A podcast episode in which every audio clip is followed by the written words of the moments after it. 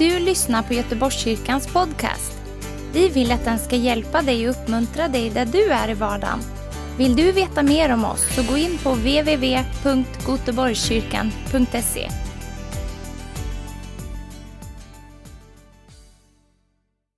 Så vi är ju lite olika eh, när det gäller eh, att vara bekväma med att ta emot gäster, har jag märkt. Man kommer från olika familjesammanhang. Vi är väldigt påverkade från vårt eget hem och vårt eget hus. Hur våra föräldrar var mot gäster. Det brukar prägla hela vårt liv. En del har lättare för att vara en gäst. Har inga problem med att hälsa på, och vara och, och liksom ta emot gästfrihet. För man är ganska så van vid det, för man hade sådana vänner, sådana människor som man eh, växte upp med. Och en del tycker det här är jättesvårt med gästfrihet. När Bibeln talar om att vara en ledare i en församling så är ett av villkoren, kriterierna för att få vara en ledare, för att ha en, en framstående eh, position som diakon, så är det att man är gästfri. Och väldigt många vet inte vad gästfri är för någonting. Någon som har varit här i, i Sverige åtta år, tio år, de vet inte, och då, det säger en, kanske en hel del om oss, att de kanske inte har känt gästfrihet. Eh, många invandrare har, har ännu inte varit i, i svenska hem, alltså på riktigt. Och tvärtom. Många svenskar har faktiskt inte varit hos sådana som har flyttat hit, fast de känner dem. Därför att det är någonting som hindrar. När jag nu kommer att tala om gästfrihet här så kommer det vara också gästfrihet i det här huset. För det tema som vi har haft utifrån Herrens hus som vi hade på församlingslägret, att bygga Herrens hus, så kommer jag fortsätta idag om att tala om gästfrihet i Herrens hus och ekonomi i Herrens hus. Och det här är ju också ett hus, även om själva huset är ju människorna. Det är där vi är hela tiden. Men du vet att om jag ska bjuda hem någon så behöver jag ha en lokal att bjuda hem någon till. Så jag kan inte bara säga välkommen hem till min familj. Var är ni någonstans? Ja, vi är på fyra, fem olika platser, men välkommen hem någon gång. Det blir lite för diffust. Men jag ska välkomna någon till församlingen kan jag inte säga liksom välkommen bara där vi är någonstans. Utan då bör det också finnas en samlingspunkt, en familjesamling, knutpunkt. Välkommen till familjemiddagen. Och egentligen när vi bjuder in människor till en gudstjänst, en typ förmiddagsgudstjänst, så bjuder man ju hem till en stor samling, någon slags fest. Ni kan tänka det här grillpartyt där många kommer och de flesta eh, känner inte alla. Sen när det kommer någon ny så nickar man lite och så säger liksom, eh, här har du en korv eller eh, här eh, kan du grilla din hamburgare eller varsågod här har du dricka. Och så är också tanken att det ska vara när vi är i en gudstjänst. Så vi är huset. De som vi har bjudit in eller någon annan bjudit in, de ska känna och uppleva gästfrihet. Och då tänker jag, får ju googla då på vad, vad, Wikipedia säger om gästfrihet och betydelse. Och det första jag får fram är att gästfrihet innebär att vara förberedd på att avbryta sig och göra plats för andra. Vad expertsvar.se säger detta. Alltså jag tycker det här är jättebra. Vad var det för någonting? Jag tror att nästan ni kommer ihåg det. Det första var att avbryta sig, alltså sluta med det man håller på med. Och att göra, vad var det man skulle göra? Göra plats för andra. Jag stoppar med det jag håller på med, ger utrymme till de som kommer. Så när vi, för att vara väldigt konkret, när vi har en gudstjänst så pratar vi med dem vi känner, det är ju viktigt. Men så kommer det någon ny, då avbryter vi oss själva och hälsa på den nya som någon annan kanske bjudit in. I söndag så hade jag en gäst som, som kom hit som jag haft eh, kontakt med via, via eh, eh telefon och sms. Och han kunde inte komma första gången. Jag är van vid att människor inte kommer första gången. Men nu skrev han, nu kommer jag. Och tänkte jag, ja men det är ju lite större chans, det är ju andra gången. Och så kom han. Och när jag är här och ser honom och förstår jag, han är det och då blev det ett positivt möte. Han kände sig välkommen, så han ger också feedback efteråt. Det är en form av gästfrihet vi, vi håller på med. När vi har haft evangelisation så är jag lite nervös, förlåt att jag säger det. För de har bjudit in så många människor. Och så tänker man, tänk om de inte blir sedda? Tänk om inte folk hälsar på dem? Vet du hur många är så rädda och tycker det är så osäkert att komma till en kyrka så de kommer till gudstjänsten när den har börjat, smyger in, sätter sig långt bak, eller nästan alltid på en kant för att det ska finnas en flyktväg. Så väldigt många av våra gäster sitter här nu på den kanten. Det är det naturliga när man kommer, för man vill kanske inte visa sig. Det finns ju sådana som är en annan sorts gäster, som liksom är, är fria att vara gäster. De kommer och visar och går omkring här i cirklar och så. Men det är inte det som är det vanliga. Så då ska vi vara observanta på gästerna. Men det är inte bara mötesvärdarna och predikanterna. Det kan också vara någon som står här i lovsången som vinkar lite extra, som ser någon och tittar till och, och, och tar bara tillfället i akt och säger hej vad trevligt att du är här. För så ockuperade får vi inte vara, att vi inte kan avbryta oss själva och ge utrymme till andra. Ja, expertsvar.se. Nu, ring, nu ringer de från Fokus Business, ursäkta jag måste svara. Nej. Det där blir mera oförskämt när det ringer någon som inte är närvarande och jag dissar dem som är närvarande. Jag brukar säga, ursäkta mig, men när det är mina barn som ringer, min fru, då vill jag svara. Jag vill vara tillgänglig för dem och säga, pappa har ett samtal nu. Men man kan inte visa gästfrihet genom att göra tvärtom. Bryta av dem och så tar jag hand om någon som inte ens är närvarande. Bra att tänka på. Jesus han säger så här att vi ska bjuda in så mycket gäster så att huset blir fullt. Men också att gästen har mycket ursäkter. Eller hur? Men huset ska bli fullt. Är huset fullt? Hur länge ska vi hålla på att bjuda in gäster? Ja, och när huset blir fullt, då kan man ha en sittning till och en sittning till. Det är ju så man gör. Men om vi inte bjuder in så har vi inte visat tillräckligt med utrymme. Så vill ni vara med på det här? Ska församlingen svara ja? Det är ju ett församlingsmöte. Men vi, ni märker att vi brinner för det här, vi har en passion för detta. Nu tycker någon att det känns så ytligt, det, kan vara, det får stå för dig i så fall. Så kan du göra det mera djupt. Men när vi har gäster, när det kommer gäster till oss, så har jag fått ett förbud från min familj. Vet du vad det förbudet är? Nu tänkte ni att jag får inte leka med mobiltelefon, jag får inte kolla på sport på tv. Jag får inte gå in och duscha när gästerna har kommit. För jag är en sån grymt dålig tidsoptimist. Så jag liksom, ska göra det, jag ska göra det, och fixa grillen. Och sen är jag så svettig. Och så får jag för mig, liksom, du har säkert, ni vet, en del gäster kommer lite tidigt också. Så får jag för mig, då, då, då ska jag duscha. Men det får inte jag göra, för det är inte artigt mot gästerna. De vill inte möta en man i kalsongerna. Alltså det finns gränser. Och sen så det, har jag fått ett förbud till. Jag får inte komma för sent när vi har ett kalas. Alltså att man ens får ställa sådana krav på mig. Därför att det är inte heller trevligt. När vi är gäster så kan de komma sent, eller hur? Men de som är i huset, de ska ju vara där på plats. Så därför så säger jag likadant till oss. Vi är inte gäster och främlingar, vi är i huset. Vi är medlemmar i kroppen, vi är här. Vi ska vara här när de kommer. Och inte komma inhasandes som en liksom gäst som undrar, har ni börjat utan mig? Det här handlar om respekt och gästfrihet och god kultur. Så skyll inte på att jag, den här, en, ja, fint folk kommer sent. Det står inte i Bibeln. Man är i huset, man bjuder in till huset. Sen så har ju de flesta naturligtvis orsaker. En del kommer ju för sina arbeten. En del har ju cyklat hit istället för att åka i en bekväm bil. En del har åkt kollektivt i en timme och kvart. Så ibland finns det, men många sätter ju det här i system. Att man ska smyga in sent och gå ut tidigt.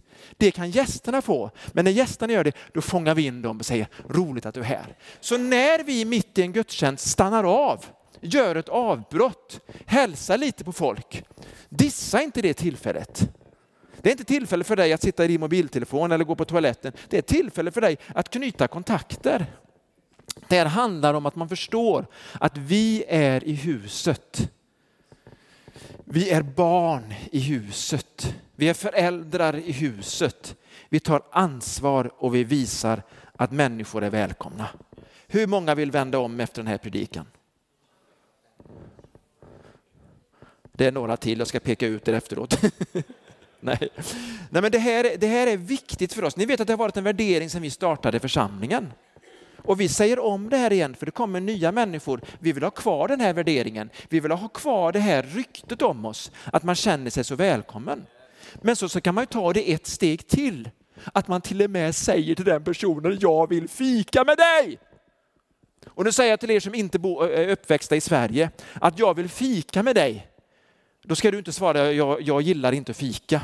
Det är helt fel. När någon säger jag vill fika så säger de, jag vill ta tid med dig. Du kan bara ta ett vatten. Man kan till och med fasta och fika. Men det är lite trevligare om man tar te, smörgås, man gör någonting, man äter någonting ihop, för det bygger man relationer. För då vet man, så lång tid som Mackan tar att äta upp, så lång tid har jag. Så äter man en middag med någon så säger man, jag vill ge dig jättemycket tid. Hänger ni med? Så det är också viktigt. Och när vi då liksom inte är tillräckligt många föräldrar i huset som bryr oss om alla gästerna, då känner jag att jag vill klona mig själv. Jag skulle vilja bli en till, en till, en till. Men jag skulle hellre vilja att ni var med oss i det här och kände så här. Jag hade en specialuppgift från min mamma. Det var inte att plocka blommor, det var inte att duka, det var inte att baka när vi hade gäster. Ni vet själva vad jag hade för uppgift, eller hur? Jag skulle prata med gästerna. För det tyckte mamma att jag var bra på. Alltså jag var tio år. Hur klarar man av det? Jag ställde frågor. Nyfiken som jag var, helt naturligt. Jag bara liksom var som jag var.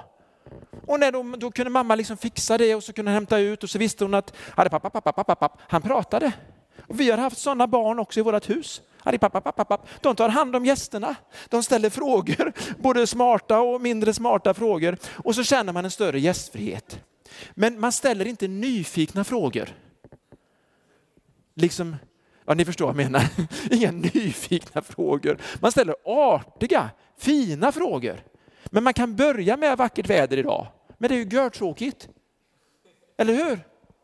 Men man kan säga någonting som de är intresserade av. För människans största intresse, det är faktiskt det viktigaste de vill prata om. Så kommer du på det har du kommit långt. Så, jag har sju minuter kvar eller? Jag tappar tiden Boris, du har åtta minuter kvar. Ja. Då tar jag punkt två. Ekonomi i huset. Grekiska för ekonomi, oikonomos, översätts på svenska hushåll. Och vi brukar säga det för hem och hus. Så när vi talar om hushållet så är det ekonomi och förvaltning. När vi pratar om husgrupper så är det liksom vilken, eh, vilka människor som är där, eh, men det är också hur man förvaltar sin tid, sina ägodelar, sina pengar och allt det där. Så vi har husgrupper och vi har gudstjänster. Och så har vi glömt bort att ha ekonomi. Vi har också ekonomi. Den delen ska jag överlåta till Bosse och Sofia, just vad det innebär och det inspirationstal. Men det jag ska tala om är vad Bibeln säger i, i sista kapitlet i Gamla Testamentet och i första boken i Nya Testamentet.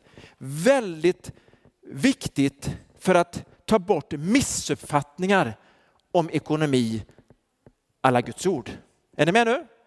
Först Malaki kapitel 3 och vi hoppar direkt till vers 10. Sista boken i Gamla Testamentet. Och jag säger till er, ni som pratar ett annat språk, jag ser att ni har lurar på, hade jag lite förberedd. Det här är viktigt att förstå.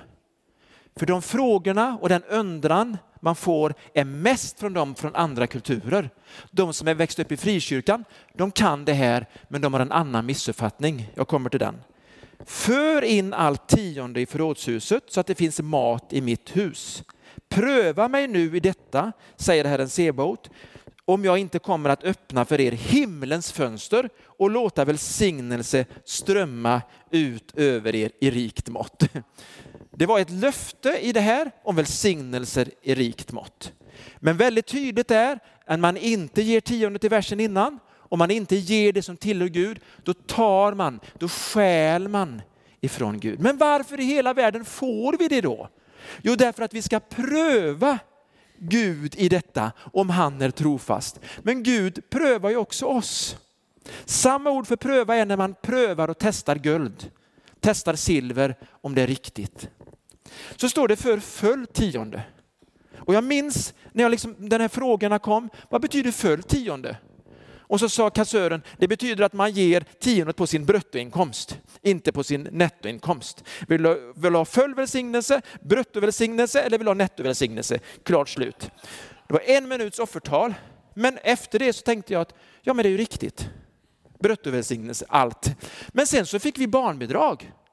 Då säger min fru, som är då lite smartare än jag, kanske inte säger så mycket, men hon säger att då ska vi ge tionde också av barnbidraget. Det hade inte jag tänkt på. Men det är ett bidrag. Ja, men det är en inkomst, säger hon. Jag tänker, det är ju rätt.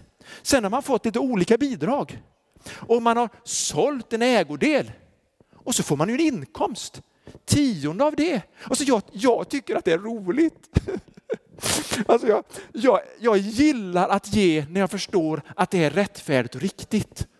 Därför att jag har bestämt mig för det i mitt hjärta. Och det gjorde jag till och med innan jag var frälst. Så det, jag tror det är en princip som man kan komma in i. Det var följt. Man får ett arv, men arvet, nej men det går väl ändå inte. Jo, då kanske man till och med kan ge mer än tionde om arvet var då mer än 2000. Det kan ju vara mycket. Många av oss får arv mer eller mindre. De flesta tänker inte, inte ens frikyrkokristna tänker på att det är en inkomst. För man tänker bara på lönen. Likadant, många, jag känner ju en, en företagare som är så fantastiskt generös. Och han, han ger ju inte tionde längre. Han var här och predikade för 14 dagar sedan. Han ger så mycket mer. Men han har ju företag och då kan han bestämma sin lön. Han kan bestämma den väldigt lågt. Och så kan han köpa massa saker istället. Och ha massor med ägodelar och, och massor med lyx, men man behöver inte ge så mycket tionde.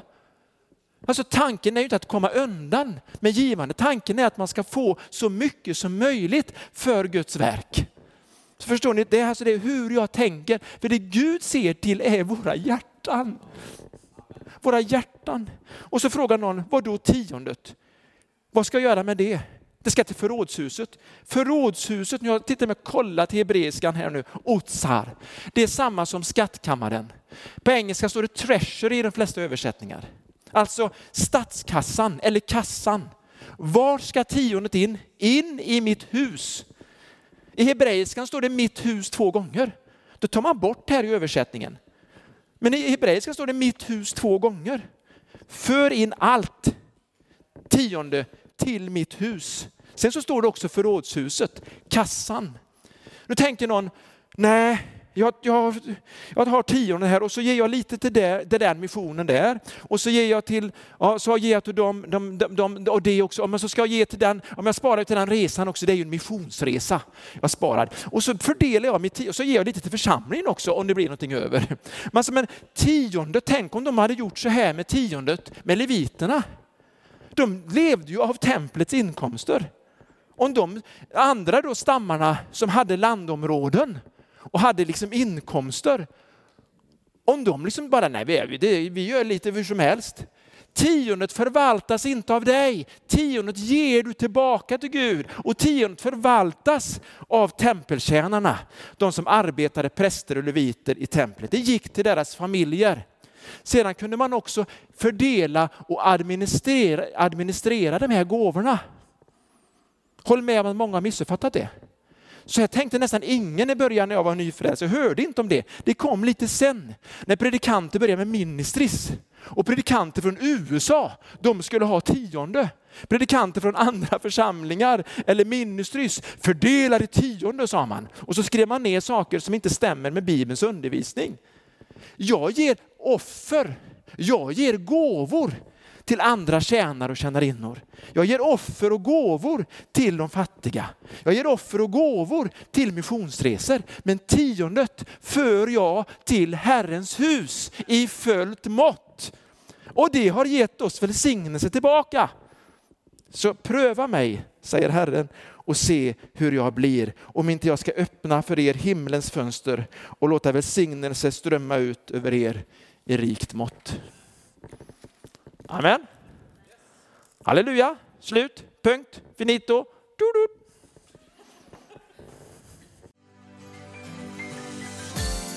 Tack för att du har lyssnat. Dela gärna podden med dina vänner och glöm inte prenumerera. Om du har frågor eller vill att vi ska be för något så mejla oss på info På söndagar har vi veckans höjdpunkt. Då firar vi gudstjänst tillsammans och det vore så kul att träffa dig där. Men vi har även samlingar för barn då? Gå in på vår hemsida goteborgskyrkan.se så får du veta mer. Välkommen till oss!